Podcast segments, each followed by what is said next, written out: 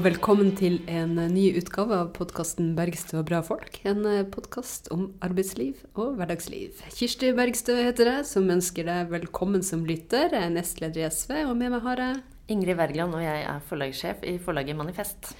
Og i dag så har vi egentlig ikke tenkt å snakke så mye om hverdagsliv, men faktisk starte med en festdag. Eh, fordi det er en dag som nærmer seg nå. Eh, som heter 6. februar. Eh, og nå begynner kanskje noen å tenke på at det er en dag som man har hørt om.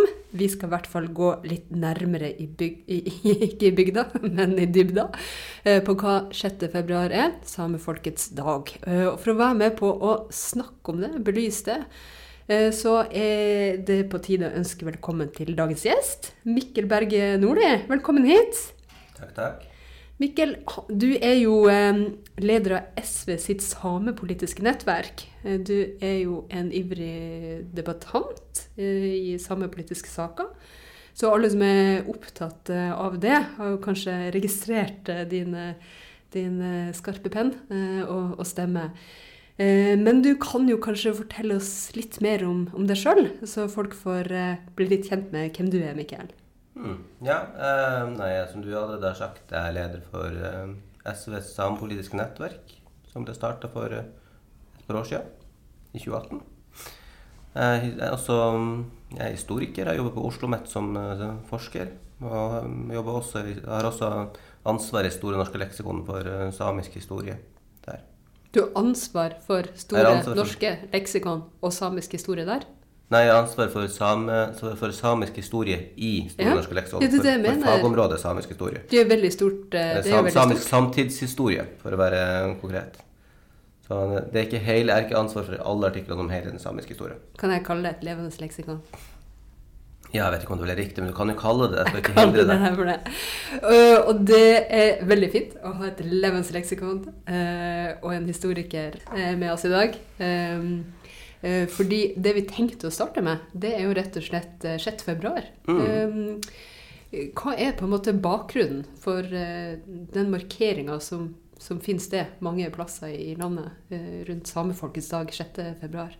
Ja, ikke bare i hele landet, men også i Sverige og Norge og Finland ja, og Russland. La oss begynne der. En internasjonal, ja. eh, verdensomspennende, galaktisk begivenhet. I hvert fall innenfor Sápmi. Ja. ja. Um, det er en um, Spørsmålet var vel hvorfor feirer man samefolkets dag, um, den samiske nasjonaldagen. Det er, går tilbake til 6.2 i året 1917, et spennende år på mange måter. Mm. Da var det 6.2 var startdatoen for det som kalles det første samiske landsmøtet. Altså den første store samepolitiske konferansen som fant sted. Den var i Trondheim i, i 1917, 6.2. Og der var det delegater fra både Norge og Sverige, ikke Finland og Russland, men fra Norge og Sverige, som samla seg for å diskutere samepolitiske saker. Det kom eh, for det meste folk fra det sørsamiske området. Det er det da som uh, ligger kan man si, sør for Saltfjellet. Helgeland, Midt-Norge. Men også delegater fra det nordsamiske området kom, selv om det var lang reisevei. Det var et stort og viktig møte som uh, samla folk fra mange forskjellige steder til å diskutere viktige saker i samtida. Og det kom jo Det kom jo på en måte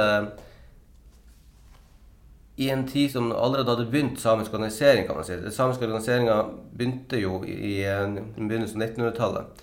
Da hadde man allerede opprettet de første samepolitiske organisasjonene. Og hadde man også fått de første forsøkene på å motvirke den destruktive politikken mot samene via arbeid i politiske partier. Og de første samiske aktivistene på denne tida var jo, en del av dem var også knyttet til arbeiderbevegelsen. Sånn at eh, Den første samiske stortingsrepresentanten for eksempel, kom fra Nesseby Arbeiderpartiet. Ja, Arbeiderpartiet. Altså min hjemkommune? Ja, din hjemkommune. Ja. Jeg, han, ja, jeg vet jo at han eh, man har hørt om han i Nesseby, for å si det sånn. Jo, Men det er ikke sikkert alle andre har hørt om han. Nei. Isak Saba. Isak Saba fra Nesseby. Eh, en, den aller første samiske stortingsrepresentanten. Kom inn på tinget for, eh, for Arbeiderpartiet. Han kom inn i 1906 og satt i to perioder. Og det var jo, det var jo en hard tid der. Det var, mm. mange, det var en periode hvor man, man erkjente at man sto under et kulturelt angrep på samisk side. De to, det var to store saker som ble diskutert på dette møtet. da. Det var, I Trondheim. I Trondheim. Ja. Det var um, reindriftspolitikk, og det var språk, utfordringene som man sto, de språklige utfordringene man sto overfor som følge av fornorskningspolitikken. Så det var, det var, en diskusjon om hvordan man kunne motvirke fornorskninga og få til et utdanningssystem som lot samiske barn lære samisk og bruke samisk. Og det var snakk om hvordan man kunne få hindra det angrepet som reindrifta var utsatt for på den tida. Eh, frarøving av arealer og presset fra jordbruket, som man begynte å merke spesielt hardt nede i det, det sørsamiske området. For da var det jordbruket og reindrifta som var i, i konflikt med hverandre? ja, reindrifta ble jo på en måte regulert vekk fra sine områder. Og ble, jordbruket ekspanderte inn i de områdene som det brukte. Så at man, var under et hardt press. Og det presset har jo bare fortsatt i og for seg fra andre, andre næringer. Og da var det ikke sånn at man diskuterte hvor det kunne skje. Om det kunne skje på måter som eh, var skånsomt for reindrift, eller som ikke ødela uh, for eh, flytting eller, eller trekkområdene eller noe sånt. Nå spør jeg at det bare var sånn som skjedde uten at man fikk, fikk involvert seg fra, fra liksom reindrifta sin side. Nei, man hadde ikke noen gjennomslagskraft der. Det, staten regulerte det inn sånn at man i praksis mista mist, Store områder og ble satt utenfor det som var de formelle reinbeiteområdene. Og I tillegg så fikk man jo man fikk ikke noen spesiell beskyttelse innenfor, uh, innenfor, de sine, innenfor, det som ble definert som reinbeiteområde. Så man opplevde at jordbruket ekspanderte også innad der. Og Spesielt i det sørsamiske området har man sett at uh, det har blitt, uh, det blitt, veldig, det blitt mindre og mindre igjen, for å si det sånn. Nå står det nå i en situasjon hvor den sørsamiske reindrifta er en, under ekstremt hardt press. Den, eh, det som igjen har sterkt behov for vern. Lenger i nord har det ikke kommet fullt så langt, men også der er det også der, også der er det konflikter. Spesielt, for, spesielt i forbindelse med større industrielle tiltak, som bl.a. gruvedrift og vindkraftverk, mm. som eh, bygges på reindriftsland. Man, når man ser på de to sakene her som ble diskutert på landsmøtet, de, de hovedsakene, reindrift og språk, så ser man at det er de akkurat de samme to sakene som er fortsatt de to store, viktige temaene i samepolitikken i dag. Det er presset mot tradisjonelle samiske næringer, spesielt reindrifta, og det er press på det samiske språket. Du var litt inne på det i sted med at, uh, man, uh, at de organiserte seg delvis også i, via, i arbeiderbevegelsen. Men, um, men var det ble det dannet egne foreninger som var på, en måte, på tvers uh, av den politiske aksen, eller hvordan Ja, man hadde, man hadde egne samiske organisasjoner som ble stifta. Men i tillegg så var det også noen som gikk via Arbeiderpartiet i denne mm. fasen som man var inne på nå, tidlig 1900-tall. Men det, ble, det var ikke, Heller ikke innad i Arbeiderpartiet var det enkelt Isak Sabe hadde jo bl.a. en uh, person som het Alfred Eriksen i sin uh, stortingsgruppe, som var en, en, en, regulær rasist. Og som ikke hadde noen spesiell uh, positiv holdning til det samiske, kan man si. Så det var, ikke, det, var ikke, det var ikke nødvendigvis enkelt å få gjennomslag internt der heller. Men det var en kobling i den tidlige, den tidlige fasen. Et annet, et annet punkt på landsmøtet i 1917 var jo organisering, og hvordan samefolket burde organisere seg. Men en person som da var invitert til å holde innledninga på den delen av landsmøtet, var jo Martin Tranmæl. Mm. En ikke ukjent mann i arbeiderbevegelsens historie. Og Daniel Mortensson, som var den ene av de to lederne av det møtet, det var Elsa Løhle Renberg, som kanskje er mer kjente i dag, og så Daniel Mortensson. De var de to lederne. Daniel Mortensen hadde jo også en bakgrunn fra arbeiderbevegelsen. Så det var, det var, en del koblinger der mm. på den tida. Og det har det, jo, det har det jo vedvart å være. At man har sett felles interesser med Ja, selv om det ikke selv om det ikke har vært uh, nødvendigvis enkelt å få gjennomslag innad på venstresida heller, historisk. Uh, Fornorskningspolitikken ble jo ja, Når man skal si at den ble avslutta, er jo et uh, definisjonsspørsmål. Man bruker jo å si tidlig 60-tall at man kan si at den formelle fornorskningspolitikken ble, ble, ble avslutta. Men uh, det vil si at også venstresida har en store del av skylda for den fornorskningspolitikken som ble ført. Fordi når, når, du sier fornorskningspolitikken, hva, hva, legger du i det begrepet, Mikkel? Det er ikke sikkert at alle har samme oppfatning av hva det betyr. Mm. Fornorskningspolitikken den, den, ble, den, ble, etablert på 1800-tallet, på midten av 1800-tallet. Og det var, en, det var, en, stemning i Norge da. om at man skulle, Det var en, en løsrivelsesstemning og en nasjonal stemning. Og en stemning om å bygge opp Norge som etter hvert en eh, suveren stat med en egen samla rundt det norske folket. Da. Og det, det samiske det ble definert ut av det norske folket. Og det ble, en, det ble etter hvert utvikla politikk for å gjøre samene norsk. At det samme, måtte oppgå kulturelt innad i det norske, og skifte, gjennomgå et språkskifte. Her var skolepolitikken veldig viktig. Skolepolitikken var det viktigste redskapet til fornorskingspolitikken.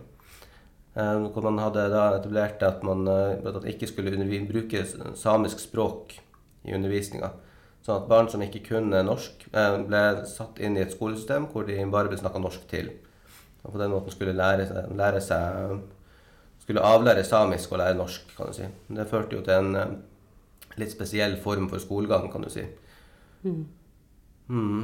Og det var en eh, Den, den eh, Vekselsen-plakaten, som den kalte, som den kaltes, om at samisk ikke skulle brukes i undervisninga, den sto til tidlig på 1960-tallet. Det er derfor man sier iblant at fornorsk- den formelle fornorskingspolitikken slutta da. Men fornorskingspolitikken er jo på en måte, det var jo på en måte som å sette en stein til å rulle. Og bare fordi man ikke lenger dytter på steinen, så slutter den jo ikke å rulle. Og den situasjonen vi er i dag, den er på en måte at steinen fortsatt ruller. De prosessene som ble satt i gang, de, de har fortsatt. Så fornorskninga som en prosess er fortsatt noe som skjer. Og det kreves aktive tiltak for å motvirke den. Og det, det, det som skjedde under fornorskningspolitikken, var jo at store områder hvor man snakka samisk, gikk gjennomgikk et språkskifte. Sånn at man i dag sitter igjen med noen ganske få områder egentlig, hvor det er samisk som er selve språket. kan du si. Mens resten, eh, resten av området ble språklig fornorska. De som er igjen i de områdene som snakker samisk, eh, de har eh, Det er utfordringer med å holde på språket i en sånn hverdag. Men, og der, der igjen er vi tilbake på, på skolepolitikken. Det er en utfordring med å få de barna som kan samisk, og de barna som vil lære samisk, å få få organisert et ordentlig tilbud til dem i de stedene de bor nå. Eh, Som eh, enten har gjennomgått et språkskifte, eller som eh, Det er også en god del samer som flytter til de sørlige strøk hvor det ikke har vært samisk språk fra gammelt av, men som likevel har krav på å ha samisk opplæring. Det For en- eksempel Oslo. for eksempel Oslo. Ja. Oslo er et veldig godt eksempel på det. Her bor det mange samer. Ja. Så det er jo en, det er på en måte de to typene saker som man hører oftest om. Er, er den språklige situasjonen, det er ofte med fokus på utdanning, og eh, samiske tradisjonelle næringer som utsettes for press, og da spesielt reindrifta. Så det er, igjen, det er akkurat de samme sakene som i 1917. Det er en eh, ganske sterk kontinuitet der. Det, å, det at man hadde denne eh, dette, dette, dette kravet om at man ikke skulle snakke norsk Nei, samisk i skolen, men skulle snakke norsk. Altså, det er jo et veldig grovt inngrep da, i folks, folks liv å bli frarøvet det språket man, man Mm. Ja. Altså det, får det må jo ha hatt konsekvenser som går liksom langt, langt videre enn på en måte bare, bare ordene vi, vi, vi deler mellom oss. Mm, ja, altså det var jo det, var jo, det førte jo til et språkskifte som har vært kulturelt katastrofalt. Men det er jo klart det er også en traumatiserende opplevelse å bli satt inn i en sånn skolehverdag hvor du ikke får lov til å bruke det språket du kan, og blir forventa å lære ting på et språk du ikke kan. Og så må man også, man også huske at mange av de skolene var internatskoler. Så at når man snakker om at de ikke fikk lov til å snakke samisk på skolen, de bodde på skolen. Borte fra Borte foreldrene fra sine. foreldrene sine. Så det, er jo, det var snakk om en, å bli satt i en språkløs hverdag, på en måte. Men, det- men jeg tenker også på, på sanger, eller på fortellinger, eller eh, Mm. ordspråk. Eller, altså, det, det så, altså, språket er jo på en måte Det er jo det, er jo det kulturbærende. Ja. Det er det alt, er- alt, hviler på, da, som ikke er uh, ting. ja, veldig mye i hvert fall. Mm. Det er jo det er veldig mye kultur som forsvinner om det ikke lenger har språket. Det er, vel, det er jo det som er litt av grunnlaget for det arbeidet som pågår nå i, eh, i Sannhetskommisjonen, som mm. skal se på hvilken virkning eh, fornorskningspolitikken har hatt, eh, Mm. og, og ikke minst også se, se fremover eh, på hva er det som må gjøres for at eh, man skal få eh, tatt tilbake språket. Veldig mange har jo gjort en stor innsats gjennom lagforeninger reist opp eh, samisk stolthet i lokalsamfunn. Eh, møtt mye motstand på det. Mm. Eh, men hva kan man gjøre som, eh, som fellesskap, som samfunn, som, som nasjon, for å bøte på de skadene som er påført? Det er jo et, et spørsmål ved, som, som ikke bare har én setning i svaret. Nei, altså det er jo gjort en uh, tilnærmet ubotelig skade på samisk kultur. Eh, men man må jo altså Måten å prøve å gjøre opp for seg må jo være å hjelpe til med å bygge opp igjen det man har revet ned, i den grad det går an. Og da handler det jo om å legge til rette for at samisk språk kan overleve og vokse igjen. Bl.a. med å hjelpe folk som har eh, folk som kommer fra norske familier, å lære seg det igjen. Og også legge opp til at kan, de kan bevares i de områdene hvor de fortsatt har holdt seg sterke. Og da snakker vi bl.a. om visse, visse distriktsområder, spesielt nordpå, og eh, også i reindriftsnæringa, som har vært sånne kulturelle fort som har holdt på viktige deler av kulturen, mens resten av samfunnet har vært under, eh, under hardt angrep. Mm. Ja, for det, det, er ikke helt sikkert at alle skjønner hvorfor er reindriftsnæringa så viktig for samisk språk, eh, kultur, eh, næring og, og, tradisjon, i og med at det er relativt få samer som driver med det direkte. Direkte, ja. Men de driver med direkte, men det er ganske mange som har en eller annen form for forbindelse med det. Veldig mange. I hvert fall hvis man skal, eh, hvis man, eh, hvis man skal telle med alle, som, eh, alle samer som har et forhold til produkter fra reindrifta, mm -hmm. så begynner vi igjen å snakke om at det faktisk er en ganske stor andel av samene for å si sånn, som har det. Og også sysselsetting. Ja. Hvor mange det er som bidrar, som er med å jobbe i reindrifta. Men, ja, det, men det, altså det, at reindrifta er en, en, en kulturbærer, er jo ikke nødvendigvis noe som som er tydelig nok fremme i, i den offentlige debatten og måten reindrifta omtales på? Det er nok ikke det. Men det, det, det, er nok ikke så stor forståelse for det, hva, hva, hva den næringa betyr. Og det er kanskje litt fremmed for majoritetsnormen, majoritetsnordmenn at en, en, næring kan bety så mye. Men det er jo det var jo som jeg sa, under, under den verste og hardeste angrepsperioden på samisk kultur og identitet, så var det, det reindriftsnæringa et slags indre fort, kan man si. Og det, mm. Der ble det holdt på kultur og tradisjon og identitet. Og språk. Ja, språk, ikke minst. Som, eh, som nå vi alle nyter godt av. Nå som ting har tødd opp, og nå som ting begynner å komme tilbake i andre områder. Den var, den var et reservoar i en viktig periode.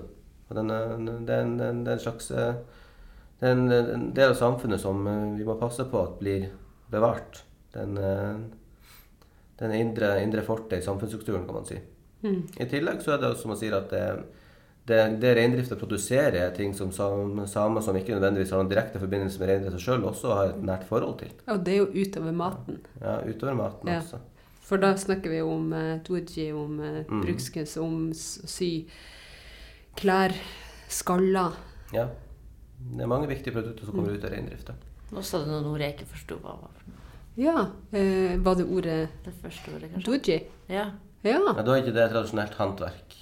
Å ja, å ja, Det er tradisjonell samisk håndverk. Ja. Okay, ja. Og så er det jo sånn at eh, alt på reinen har jo tradisjonelt blitt brukt. Eh, at man har spist alt man kan spise, eh, mm. og fremdeles gjør det.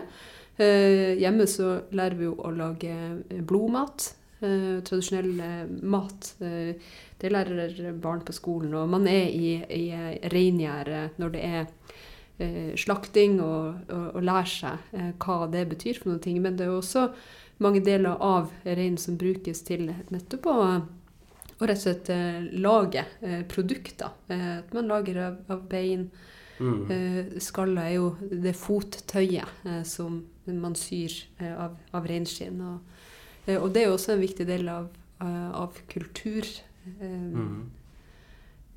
Nest, Nesteby kommune er jo en av de, altså Nesteby er en av de områdene hvor, hvor, den samiske kulturen har uh, holdt seg sterk, kan man si. Eh, også i den verste perioden. Det er jo, jeg snakker ikke bare om reindrift, men jeg snakker også om visse geografiske områder mm. hvor, har, uh, hvor, hvor, man klarte å, å, stå den av i en større grad enn andre steder. for å si sånn. Hvordan forklarer du Nessebys lille sånn derre liksom, Se på sånn Astrix-landsbyen i Romerike. ja, det er jo ikke det eneste. Du har, du nei, nei, nei, Indre Finnmark, Tana ja. Man snakker jo ofte om samiske forvaltningsområder. Hva som ligger i det, eller samiske, kjernesamiske områder? Ja, det er vel altså, Hva folk mener når de sier kjernesamisk område, mm. det er jo litt forskjellig. Det er jo et udefinert begrep. Men det samiske, det som heter forvaltningsområdet for samisk språk, det er jo noe veldig konkret. Det er, konkret. Det er, en, eh, det er en, et administrativt regime hvor en del kommuner inngår i en, uh, har en status som forvaltningsområde for, for, samisk språk, og der samiske brukere har sterkere rettigheter, og det er enklere å få undervisning på samisk. Og man har et slags uh, et bedre regime, kan du si, for folk som vil bruke samisk og lære samisk. Men det, det, det, er det ganske få kommuner i Norge som, som er, dessverre.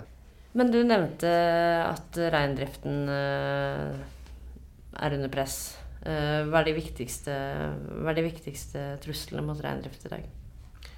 Det som er spesielt mye på agendaen nå, det er jo gruvevirksomhet og vindkraft. Som Mm. er arealkrevende eh, tiltak som eh, Når de da legges på reindriftsland, så gjør de jo ubotelig skade. Rett og slett. Og det, spesielt i det sørsamiske området så har man ikke, man har ikke areal igjen å miste. Reindrifta er under så hardt press at det, de tiltakene som gjøres der nå, de er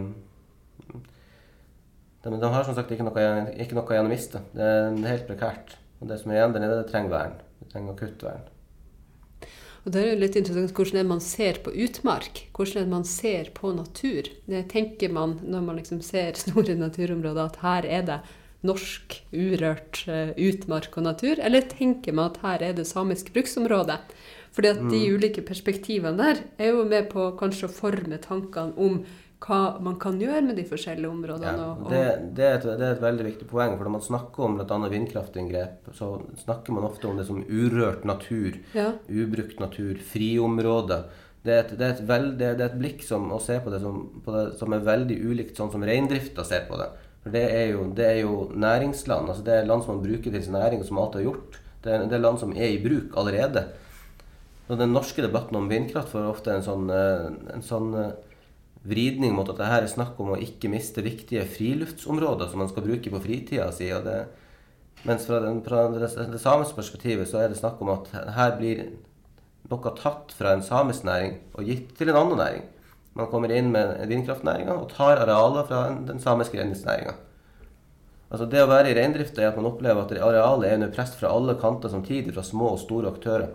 Men det er veldig sånn Det blir ofte sånn at det fremstilles som at eh, man, man har, man, her er det noen som vil bygge en eller annen ting her, og så sier prøver reindrifta å, å, å hindre det. Og så blir det framstilt som urimelig, for akkurat denne lille tingen kan det vel ikke skade så mye. Men saken er at det er en million sånne ting fra alle kanter hele tida. Så summen av alle de små inngrepene er det er et stort problem. Og så kommer det i tillegg sånne gigantprosjekter som vindmølleparker og gruver, som gjør store inngrep på en gang. Så at man, da, da lever man i en, eh, en, situasjon, en situasjon som rett og slett ikke er holdbar over tid. Og man må snart begynne å erkjenne det. At situasjonen for reindrifta i dag er ikke holdbar over tid. Og man må faktisk gjøre noe. Og da er, det, da er det en del ting som eh, man kanskje hadde hatt lyst til å gjøre, som man kanskje ikke kan gjøre. Mm. Hvordan da? For eksempel, man, kanskje, kanskje man må må anerkjenne at det, det går ikke an å bygge eksempel vindkraftparker akkurat i reindriftssonen. Hvis, hvis, hvis det er sånn at man trenger å bygge ut eh, vindkraft på landet, hele tatt, så er det kanskje at man må definere at man tar ikke land fra reindrifta. Man kan jo spørre seg med hvilken moralsk rett tar man land fra reindrifta og bygger vind, vindkraft der. Og så er jo spørsmålet sånn Ok, man kan ikke gjøre inngrep som, eh, som strider mot ILO-konvensjonen, eller som gjør at man må avvikle reindrifta. Men, men det er jo der eh, poenget med alle de små Mm. eh, inngrepene som i sum blir enorm, eh, og som blir helt ulevelig når inngrepet blir veldig stort. Eh, sånn som, eh, sånn som med, med vindmølleparker i eh, f.eks.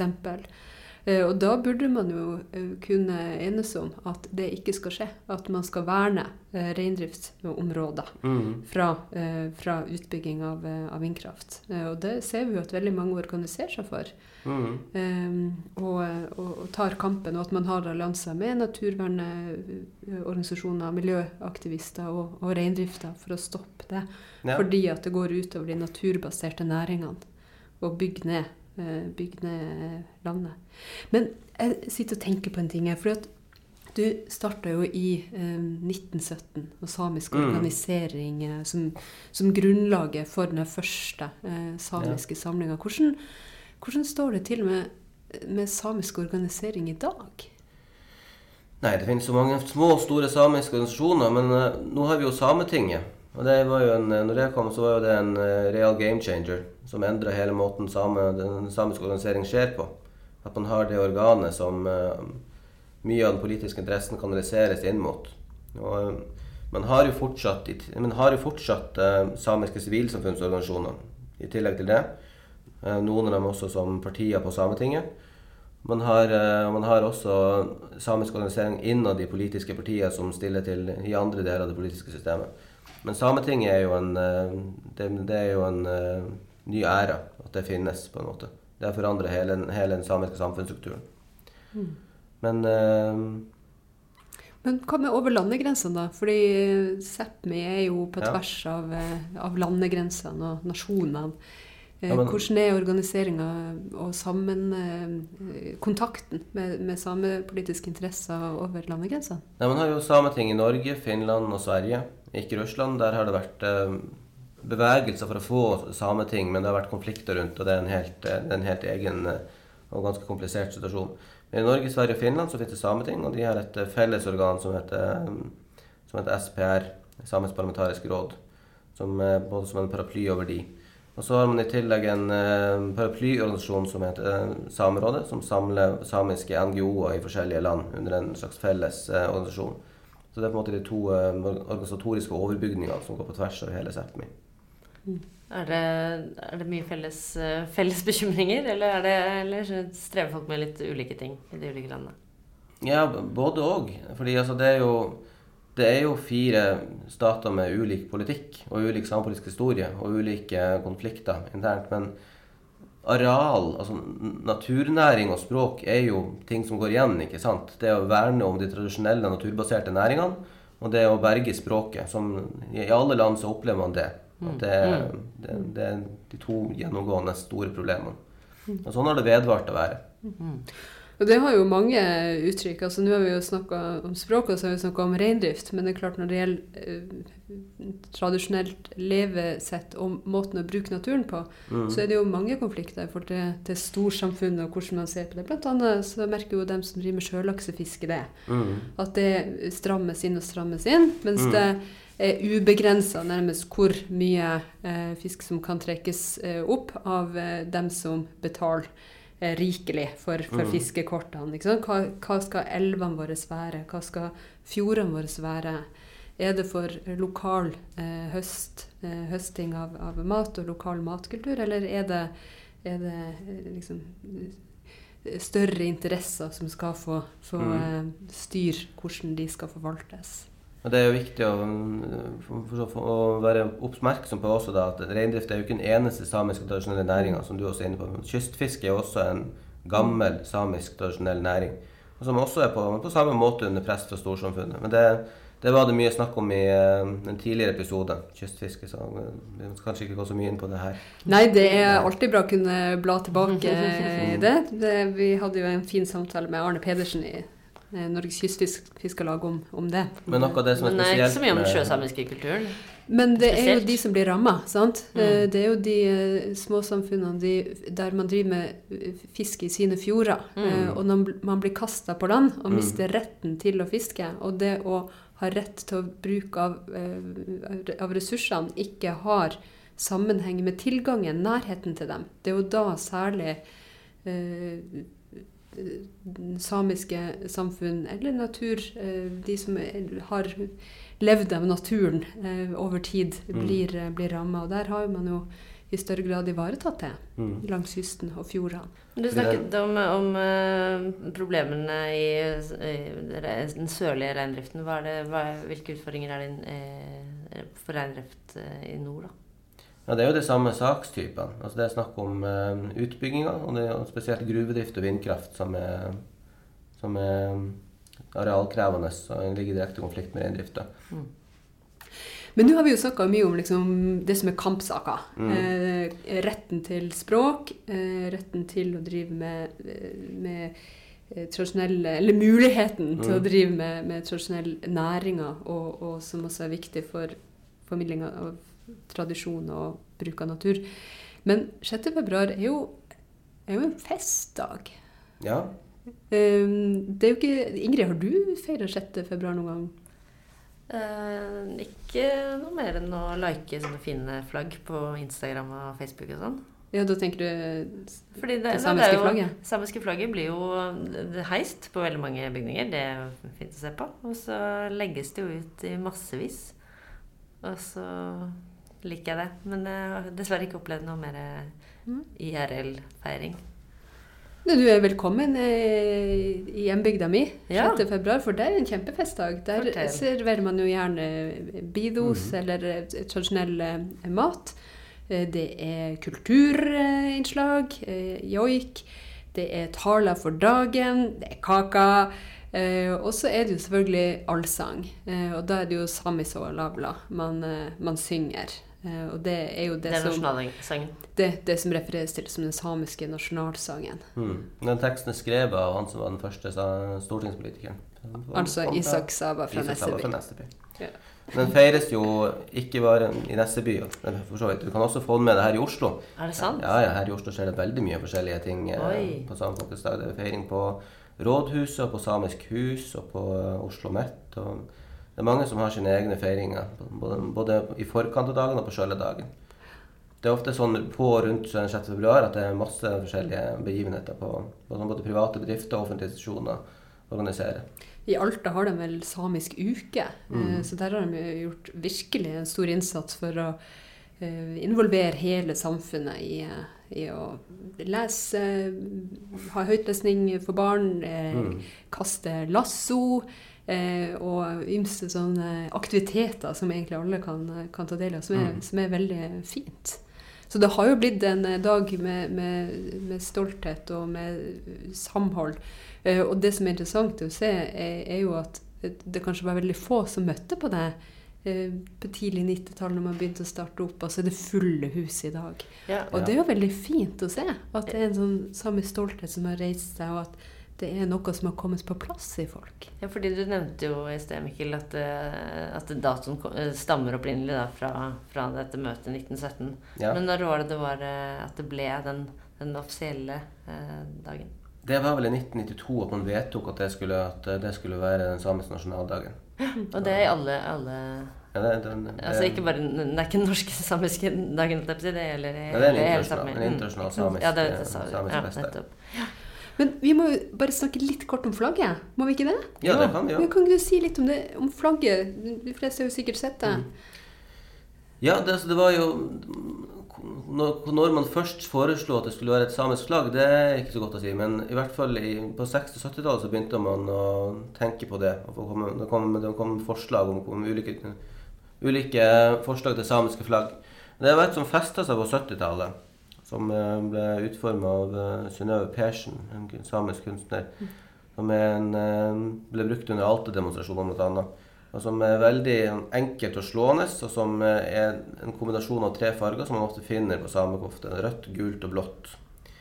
Og det var eh, det, Når man ser på bilder fra Alta, ulike tiltak rundt Alta, så ser man ofte det flagget. Men det er ikke det samme flagget som vi gjør i dag. For det ble, det ble et, organisert en konkurranse for å formelt vedta hva som skulle være det samiske flagget. Og da kom det inn flere forslag. Og eh, et av de forslagene var basert på det flagget fra 70-tallet, men la til, eh, la til en ekstra farge, grønt, som skulle gi inklusjon til eh, andre grupper av samer enn de nordsamiske. Og et sånt solsymbol, et tradisjonelt solsymbol, som det ble levert av en, en, er kunstner som heter Astrid Baal.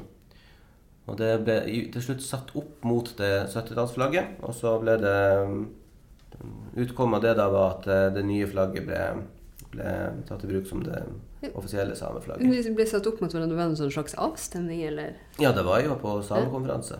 Internasjonal samekonferanse at de her tingene ble diskutert. Både hva som skulle anses som nasjonalsangen, og hva som skulle uh, være flagget, og eh, når nasjonaldagen skulle være. Det ble, der ble diskutert og eh, vedtatt på 80-tallet og 90-tallet. Så det her startskuddet i 1917 med den Mm. store samepolitiske konferansen, det har på en måte vært noe som har fulgt med, da, eller? Ja, det er ikke helt riktig å si at det er startskuddet heller, fordi den, den, sant, det var jo 1917. Men Isak Saba ble jo valgt inn i 1906.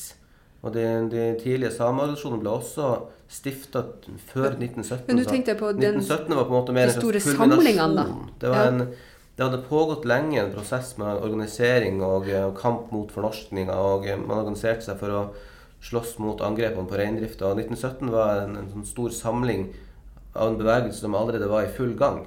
Mm. si. Og så fortsetter det jo et, en stund videre. Mellomkrigstida, som er i ettertid ansett som at eh, man fikk ikke gjennomslag for så mye, da. Det var, det var, det var hardt å slåss mot fornorskninga og realangrepene på den tida hvor hvor det var så sterk stemning for dem. fra politisk hold. Det var så unison eh, det var så unison oppslutning rundt fornorskninga. Det, var- det var vanskelig å bryte igjennom. Men det ble enklere etter andre verdenskrig. Og da, da fikk man en, et mer nytt syn på det her med minoriteter og eh, majoritetens rolle i forhold til minoriteten og statens rolle i forhold til minoriteten. Og man fikk nordisk, eh, nordisk fellesorganisering, som også gjorde det enklere, og, eh, enklere å drive grenseoverskridende samisk organisering. Det var en del flere ting etter at andre verdenskrig som gjorde det lettere da å, å, drive, å drive samisk organisering på en måte som fikk gjennomslag. Og det var Man ser da også at det begynner å oppstå nye samiske organisasjoner. bl.a. blant annet i Oslo i 1948, tror jeg det var. At, at Samisk Servi ble stifta her.